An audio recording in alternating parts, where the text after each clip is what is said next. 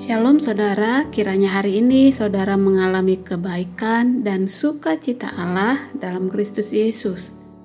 Kita akan membaca dan merenungkan firman Tuhan. Mari kita berdoa. Bapa dalam surga, saat ini kami datang dan bersyukur atas perlindungan-Mu kepada setiap kami.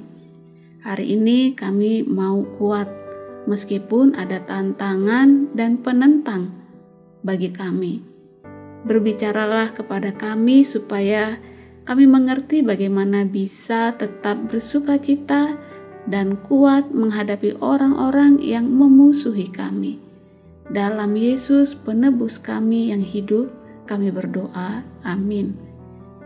Firman Tuhan hari ini dari Mazmur 9 ayat 2 hingga 4. Aku mau bersyukur kepada Tuhan dengan segenap hatiku Aku mau menceritakan segala perbuatanmu yang ajaib. Aku mau bersuka cita dan bersukaria karena engkau. Bermasmur bagi namamu, ya maha tinggi. Sebab musuhku mundur, tersandung jatuh dan binasa di hadapanmu. Demikian firman Tuhan. Sadari ada pihak penentang ada di saat-saat dalam kehidupan kita, kita merasakan kita terjebak dan tidak bisa bergerak secepat yang kita inginkan. Sedangkan di saat yang lain, kesempatan mulai nampak dan sudah saatnya untuk meningkatkan kecepatan. Dalam keadaan yang demikian, tentu tidak mengenakan.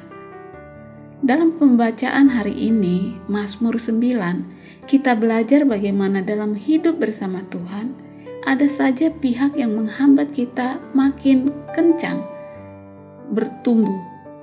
Itulah pihak penentang.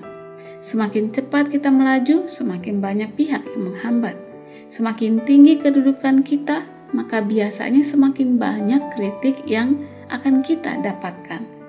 Umat Tuhan selalu menghadapi penentangan.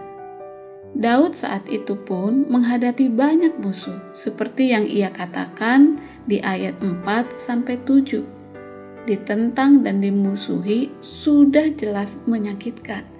Namun kabar baiknya dalam Kristus kita pasti mampu mengatasinya. Daud memuji Allah atas kemenangannya seperti yang ia ungkapkan di ayat 2 hingga 4. Kita semua hidup dalam dunia yang jahat Tuhan Yesus sudah memperingatkan kita bahwa jangan kamu menyangka bahwa aku datang untuk membawa damai di atas bumi.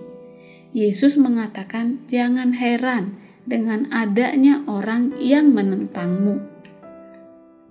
Namun, di tengah para penentang di muka bumi ini, kita dipanggil untuk menjadi pembawa damai, justru supaya kita memutus siklus kebencian Meski demikian, pihak penentang mungkin berasal dari orang-orang terdekat kita.